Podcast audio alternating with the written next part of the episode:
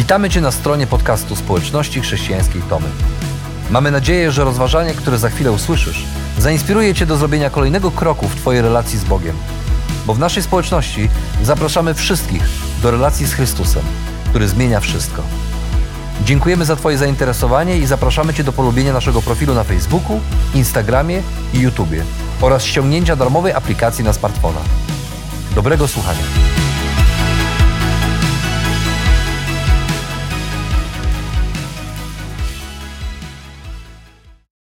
Bibliotece Publicznej w Nowym Jorku znajduje się bardzo szczególny eksponat. Jest to globus, który został wykonany w 1510 roku przez nieznanego artystę. I globus ten jest niezwykły, ponieważ pokazuje wizję świata, jaką mieli ówcześni.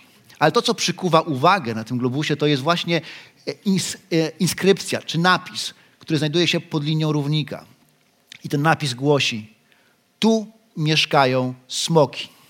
I w ten sposób artysta pokazał miejsca, które były jeszcze nieodkryte i niezbadane, a więc pobudzały wyobraźnię podróżników, ponieważ skoro niezbadane, nieodkryte, to są groźne, a skoro groźne, to na pewno muszą tam mieszkać smoki.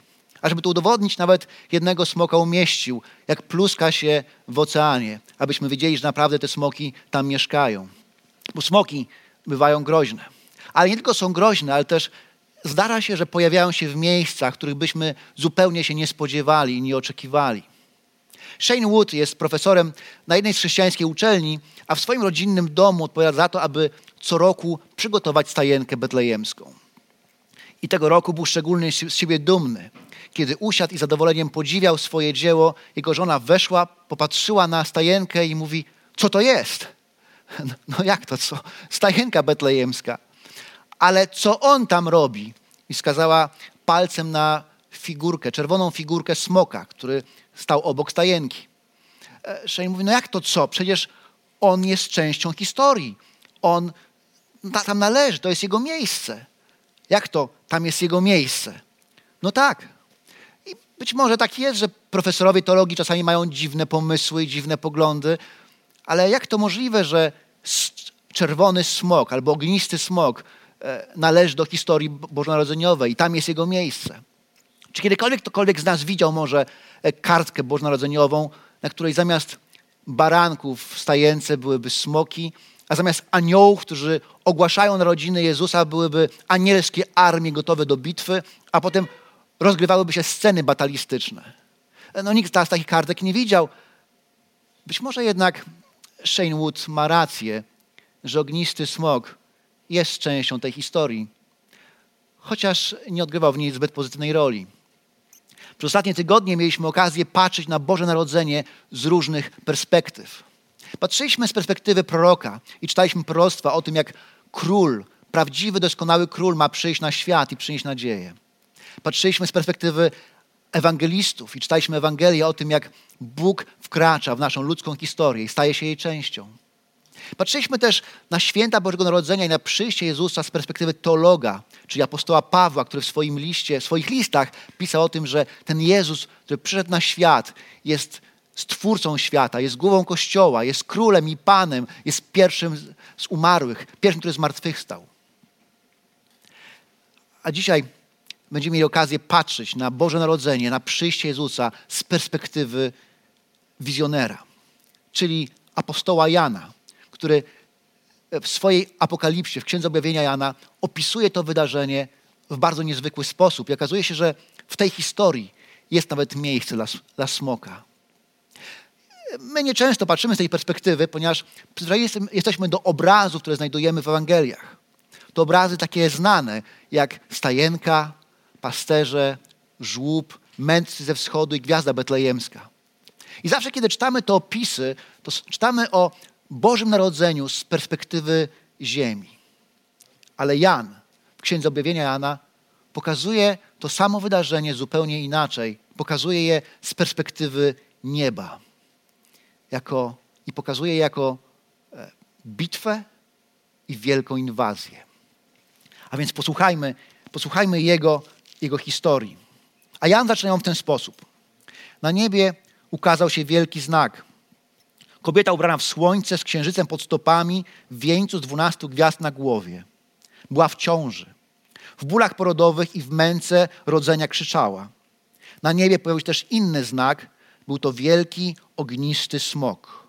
Miał siedem głów, dziesięć rogów i siedem diademów na głowach. Jego ogon zmiótł z nieba trzecią część gwiazd i zrzucił je na ziemię. Smok stanął przed kobietą, u której rozpoczął się poród. Chciał pożreć jej dziecko, gdy tylko się urodzi.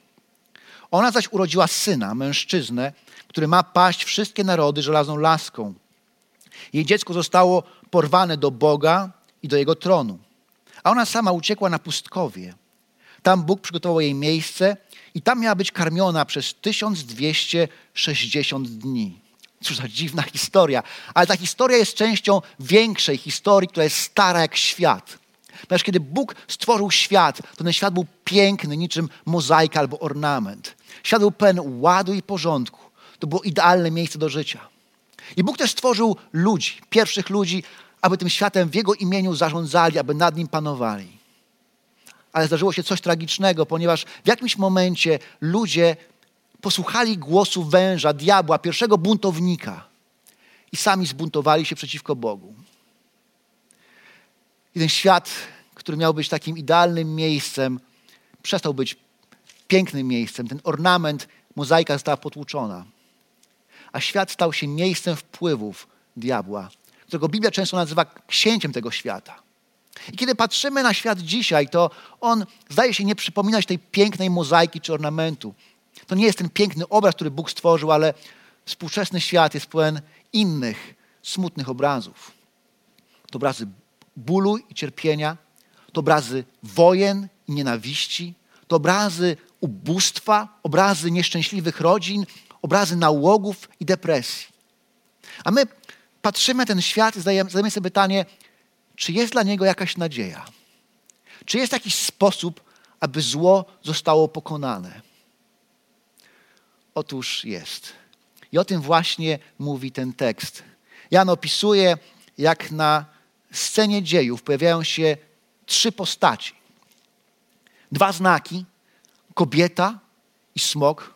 I jeszcze jedna postać, niby najmniejsza, bo dziecko, ale to główna postać, główny bohater tego tekstu, tej historii. Jan pisze, że e, na niebie ukazał się wielki znak. I mówi, tym wielkim znakiem była kobieta ubrana w słońce, miała księży pod stopami i miała wieniec, na którym była 12 gwiazd. Niektórzy uważają, że to, to Maria, bo to przecież Maria urodziła Jezusa, ale zwróćmy uwagę, że to jest znak, to jest symbol, a nie prawdziwa osoba.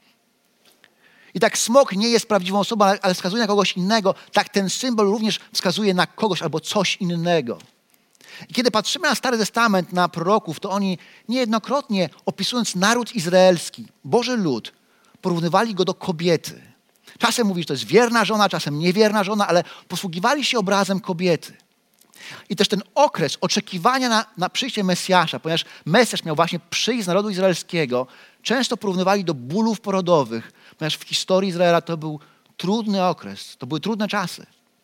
Co więcej, ta kobieta ubrana jest słońcem, ma księżyc pod stopami, ma wieniec dwunastu gwiazd, a te symbole są niejako przypomnieniem snu starotestamentowego Józefa. Jemu się śniło pewnego razu jedenaście gwiazd, które obrazowały jego jedenastu braci, którzy wraz z nim mieli być ojcami dwunastu plemion Izraela. Śniło mu się słońce i księżyc. To był jego ojciec Jakub, którego imię też było Izrael i matka Rachela, którzy byli rodzicami, prarodzicami narodu izraelskiego. A więc Jan opisuje w swojej wizji kobietę, która jest obrazem Bożego ludu, obrazem narodu izraelskiego. I ta kobieta jest w ciąży i ma urodzić. I kiedy krzyczy, kiedy rozpoczyna się poród, pojawia się kolejna postać dramatu. Pojawia się na scenie kolejny znak. A to jest właśnie ognisty smok. I ten ognisty smok, kiedy czytamy ten tekst, dalszej część tego tekstu jest zidentyfikowany jako, jako właśnie ten wąż, który skusił Adama i Ewę. Jako diabeł, szatan, który zwodzi cały zamieszkały świat. To jest ten uzurpator, który uzurpuje sobie prawo do Bożego stworzenia i próbuje przejąć panowanie nad Bożym światem i zniszczyć to, co Bóg stworzył. A Jan opisuje go jako smoka, który jest ognisty, a więc groźny, który ma siedem głów e, i dziesięć rogów i siedem diademów. co pokazuje Jego władzę nad narodami, królestwami, że On rządzi, chce rządzić, chce panować, ale ma wpływ. Co więcej, Jan mówi, że Jego pojawienie się powoduje zamieszanie na skalę kosmiczną, bo swoim ogonem strąca jedną trzecią część gwiazd. A więc Jan mówi o spadających gwiazdach, a dalej o upadłych aniołach, które, którzy dołączyli do jego rebelii, do jego buntu i stali się jego sługami. Jednak kiedy czytamy ten opis, ten opis, ta scena jest pełna dramatyzmu, ponieważ ten smok pojawia się przed kobietą i czeka, tylko czeka, kiedy urodzić swoje dziecko, po to, aby je pożreć. To nie brzmi jak historia bożonarodzeniowa, do której żeśmy się przyzwyczaili.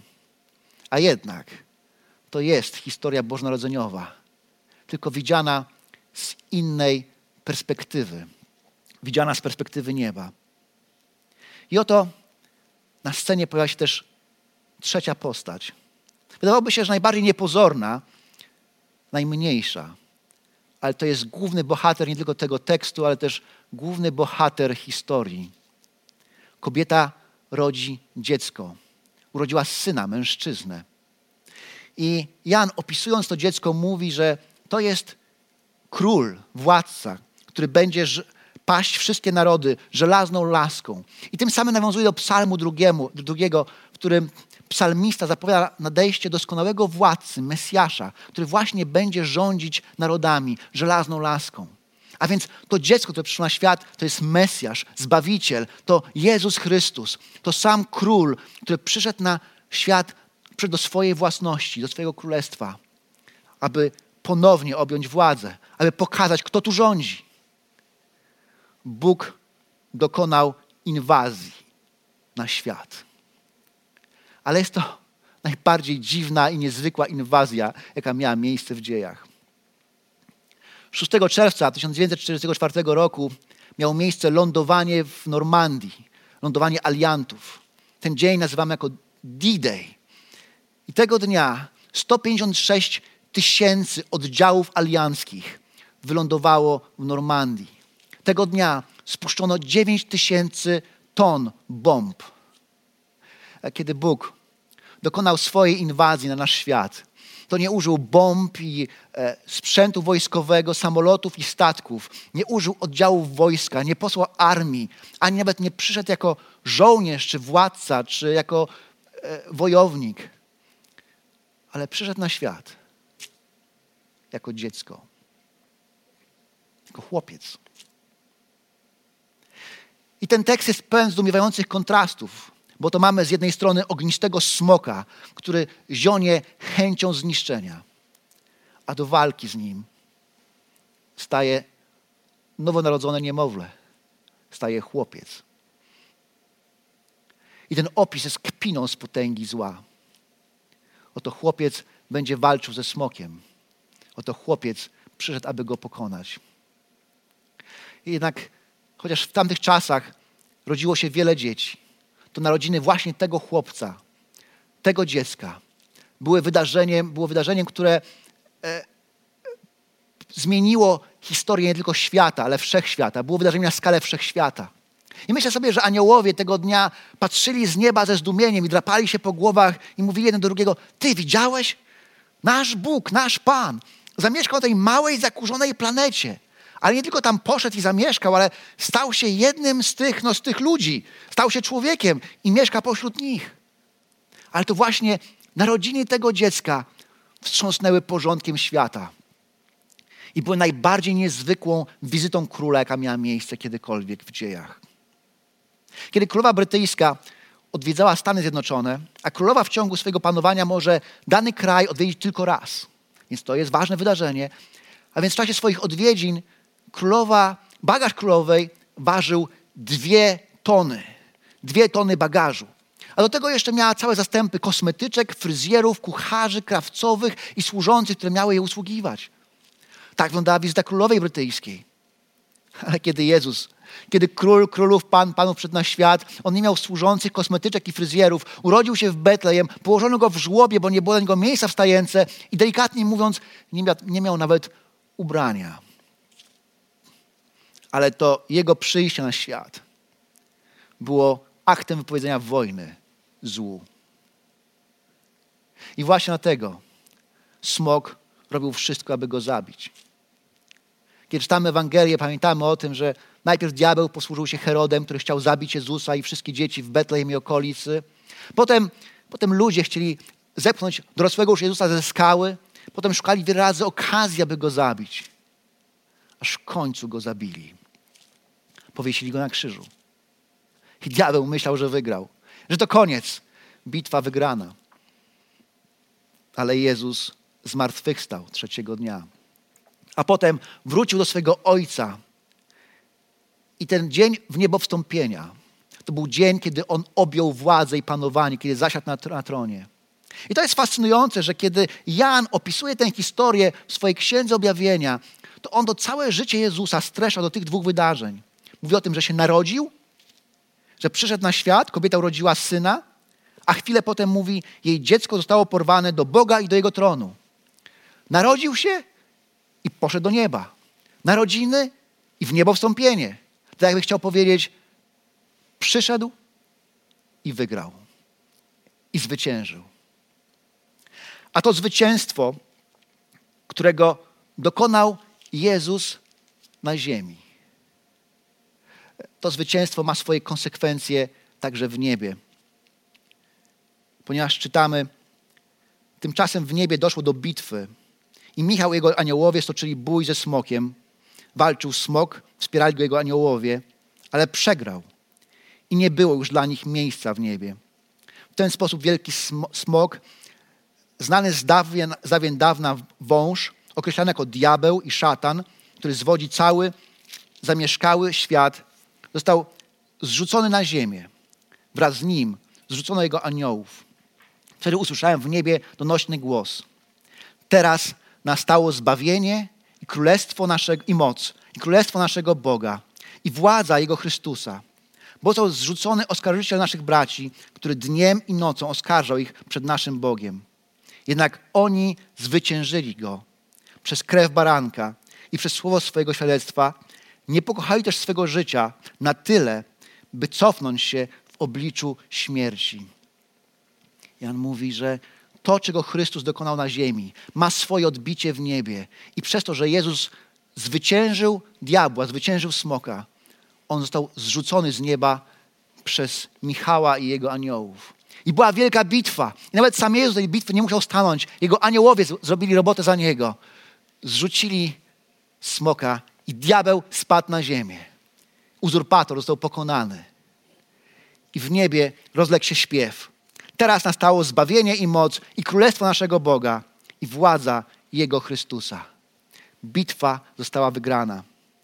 A więc, kiedy wsłuchuję się w ten tekst, to słyszę to, że Jan próbuje nam powiedzieć, że Jezus wygrał ze złem bitwę o nasze życie, aby odkupić świat i dać nam zbawienie. Ale ktoś powie, no dobrze, Jezus wygrał tą bitwę, ale ten świat wcale nie był nadkupiony. To zło ciągle się panoszy. Jest tak wiele zła i nieszczęścia i bólu na tym świecie.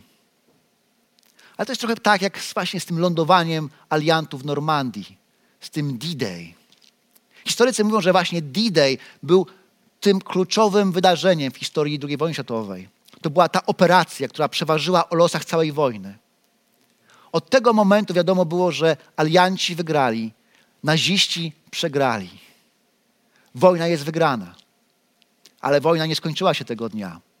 Trwała jeszcze rok, aż Niemcy podpisali akt kapitulacji.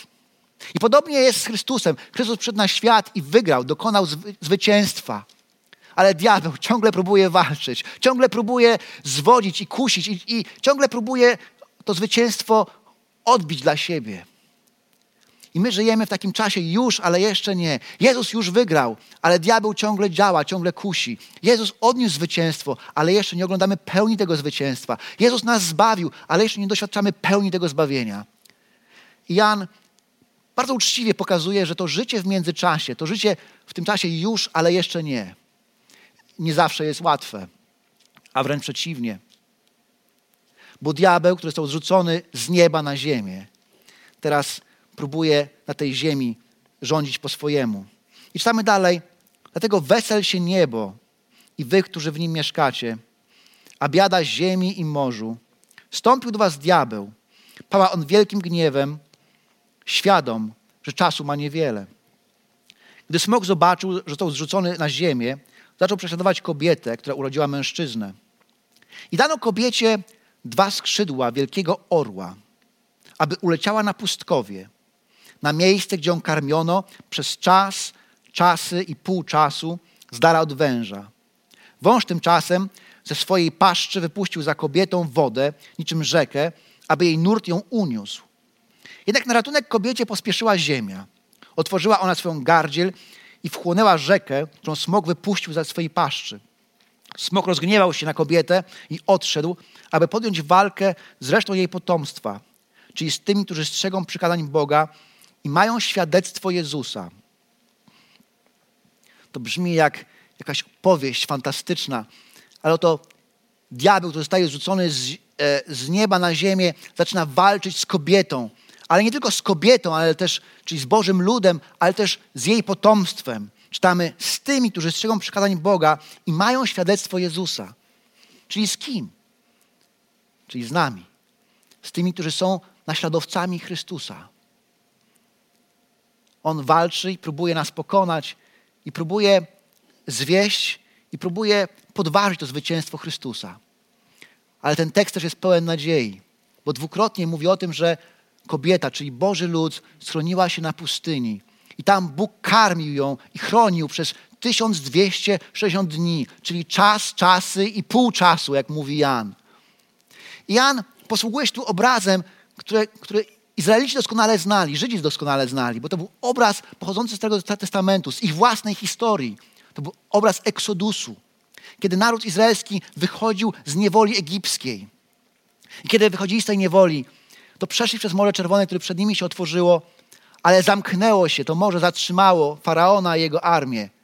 I tak samo tutaj smok próbuje dopaść kobietę, wypuszcza strumień wody ze swojej paszczy, chce ją utopić w tej wodzie, ale tym razem nie może, ale ziemia się rozstępuje i pochłania tą wodę i zatrzymuje tego smoka. I mało tego, Izraelici, kiedy znaleźli się na pustyni, to przez 40 lat Bóg ich karmił. To był czas próby dla nich, ale też czas doświadczania Bożej ochrony, Bożej opatrzności i Bożego zaopatrzenia. Bóg ich karmił i chronił. I tutaj kobieta znajduje się na pustyni przez 1260 dni, przez czas, czasy i pół czasu. I Bóg ją karmi i chroni. To jest obraz Bożej ochrony. Tak, diabeł atakuje, smok chce zniszczyć, ale Bóg chroni swój lud i tych, którzy do niego należą. Co więcej, ten tekst pokazuje, że ten, ten czas działania diabła, smoka jest ograniczony. On wie, że czasu ma niewiele, tylko 1260 dni, czyli niedużo. Ale znowu ta liczba jest znacząca, ponieważ Jan po raz kolejny przywołuje historię Izraela, którą oni dobrze znają. Ta liczba pochodzi z księgi Daniela, kiedy to Izraelici doświadczali jednego z najbardziej krwawych prześladowań w swojej historii. Daniel opisuje prześladowania za czasów króla Antiocha Epifanesa III, który był królem greckim. On przez 3,5 roku, przez 1260 dni próbował zniszczyć naród izraelski. Ale to mu się nie udało. Na końcu wybuchło powstanie Machabeuszy, które skończyło się zwycięstwem. A więc Jan, przywołując tą scenę z historii, mówi: tak, to mogą być trudne czasy, ale to będą krótkie czasy. Tylko 1260 dni. Tylko czas, czasy i pół czasu. A na końcu będzie zwycięstwo. To tak jakby ktoś nam, Polakom, powiedział 1410, Grunwald. I wiemy, było ciężko, krzyżacy na, na, nam dokuczali przez lata, ale na końcu wygraliśmy. I właśnie o to chodzi w tym opisie. Ale jest to też przypomnienie o tym, że, że diabeł nie żartuje. Że chociaż jest pokonany, to próbuje ciągle walczyć z Bożym ludem i z Kościołem. I walczy na różne sposoby. Są miejsca, gdzie próbuje go fizycznie zniszczyć i zastraszyć poprzez prześladowania. Tylko w 2020 roku 260 milionów chrześcijan na świecie było prześladowanych. Tysiące, tysiące chrześcijan zginęło za wiarę, za to, że wierzą w Chrystusa. Ponad 3 tysiące, prawie, 3 tysiące, prawie 4 tysiące ludzi, 4 tysiące chrześcijan obecnie przebywa w więzieniach. Niektórzy bez wyroku. tylko dlatego, że są chrześcijanami, że są ludźmi wierzącymi w Jezusa. I są takie miejsca, gdzie diabeł próbuje zniszczyć Kościół, zniszczyć Boży lud przez zastraszanie, prześladowanie, przez śmierć. Ale są też takie miejsca, gdzie ma inną taktykę, gdzie próbuje ich uśpić i skłonić do kompromisu. Czy zauważyliśmy, że w naszym tekście też ten smok, diabeł, nazwany jest oskarżycielem, który oskarża wierzących. On przychodzi i mówi Tobie, że jesteś nic nie wart, że nic nie potrafisz, nic nie umiesz, że się nie możesz zmienić. I przychodzi i nawet Bogu mówi, że Ty jesteś nic nie wart. I próbuje przekonać go, że, że nie warto sobie to zawracać głowy. Kobieta w średnim wieku walczy ze swoim nałogiem. I próbuje po raz kolejny pokonać swój alkoholizm. I chce iść do ośrodka. Ale przychodzi do niej smok i mówi: Ty zawsze taka będziesz. Ty już się nigdy nie zmienisz. Tyle razy próbowałaś. I zobacz. Znowu to samo. Mężczyzna, który jest głową rodziny, spełnia deklaracje podatkowe i ma ochotę trochę zataić swoich dochodów, żeby lepiej wyszło. Przychodzi do niego smok i mówi: Ciebie oszukują, ciebie okradają, ty też możesz oszukiwać. Ponadto, stary, ty zawsze kłamiesz. Ty nigdy nie mówisz prawdy. Jedno kłamstwo mniej, jedno więcej nie zrobi różnicy. Przecież ty zawsze kłamiesz. Starsze małżeństwo ciągle wspomina krzywdę, którą doświadczyli lata temu. Krzywdę, którą dawno powinni zapomnieć i wybaczyć. Ale przychodzi do nich smoki. Mówi, wybaczenie nie ma sensu. Ludzie i tak się nie zmieniają i się nie zmienią, więc nie warto im wybaczać.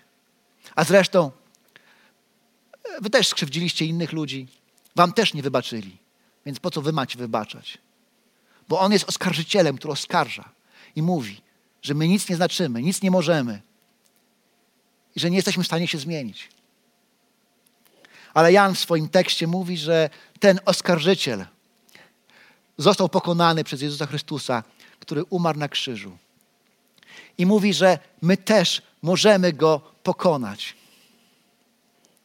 I w tym tekście jest jeszcze jeden kontrast. Oprócz tego, że mały chłopiec staje naprzeciwko wielkiego smoku, smoka. Oprócz tego, że mały chłopiec zostaje zabrany do góry, a smok spada na dół. Jest jeszcze jeden kontrast, że tam wtedy, kiedy na ziemi jest prześladowanie i ucisk i ból i cierpienie, w niebie jest śpiew i uwielbienie. W niebie śpiewają hymn, który usłyszeliśmy, ale posłuchajmy jeszcze raz. Teraz nastało zbawienie i moc i królestwo naszego Boga i władza Jego Chrystusa. Pozał zrzucony oskarżyciel naszych braci, który dniem i nocą oskarżał ich przed naszym Bogiem. Jednak oni zwyciężyli go przez krew baranka i przez słowo swojego świadectwa. Nie pokochali też swojego życia na tyle, aby cofnąć się w obliczu śmierci. Ten tekst mówi, że nie tylko Jezus pokonał smoka, kiedy umarł na krzyżu, ale my, jako Jego naśladowcy, też możemy go pokonać. Możemy pokonać go przez krew baranka i przez słowo swojego świadectwa. To znaczy, że bez względu na to, jak bardzo skomplikowana jest Twoja historia, jak bardzo nagrzeszyłeś, jak bardzo, jak wiele razy zawiodłeś Boga i samego siebie i swoich bliskich, ile razy próbowałeś, ci się nie udało, możesz przyjść do Jezusa i wyznać Mu swoje grzechy i poprosić Go o Jego zbawienie. A On po to umarł na krzyżu i przelał swoją krew, aby dać Ci nowe życie, aby dać Ci przebaczenie, aby Cię uwolnić. I to będzie ten dzień, kiedy w Twoim życiu diabeł spadnie z nieba. To będzie dzień zwycięstwa. Twój dzień zwycięstwa. Ale Jezus nie tylko przed po to, aby dać nam to zwycięstwo, aby nas zbawić, ale też abyśmy mogli żyć nowym, zmienionym życiem i o tym opowiadać innym. I dlatego Jan pisze, że ci, którzy pokonali, zwyciężyli smoka, zrobili to przez słowo swojego świadectwa. To jest ta moja osobista historia o tym, jak Jezus mnie zbawił, Historia, którą opowiadam swoimi czynami, swoim życiem, ale też swoimi słowami, mówiąc o tym, jak On mnie zmienił, jak mnie uratował i co dla mnie zrobił. I okazuje się, że to jest najlepsza i największa broń do walki ze smokiem. Bo żyjemy w świecie, w którym wielu ludzi nie ma nadziei. Walczą ze smokiem i ponoszą klęski, porażki, jedna po drugiej. I wydaje mi się, że już nic nie można zmienić, że oni nie mogą się zmienić. I właśnie ci ludzie potrzebują usłyszeć Twoją historię o tym, jak Jezus Cię zbawił i co Jezus zrobił dla każdego z nas, umierając na krzyżu. Bo parafrazując brytyjskiego po poetę, nasze historie mają znaczenie nie tylko dlatego, że mówią, że smoki istnieją, ale przede wszystkim dlatego, że mówią o tym, że smoki mogą zostać pokonane. I kiedy wsłuchuję się uważnie w to, co Jan dzisiaj próbuje nam powiedzieć, to odkrywam, że ma proste przesłanie. A mianowicie mówi, że Jezus wygrał ze złem bitwę o nasze życie, abyśmy też mogli wygrywać ze złem swoje życiowe bitwy i opowiadać o tym innym. I to jest historia bożonarodzeniowa, którą Jan chciał nam opowiedzieć. Historia z perspektywy nieba.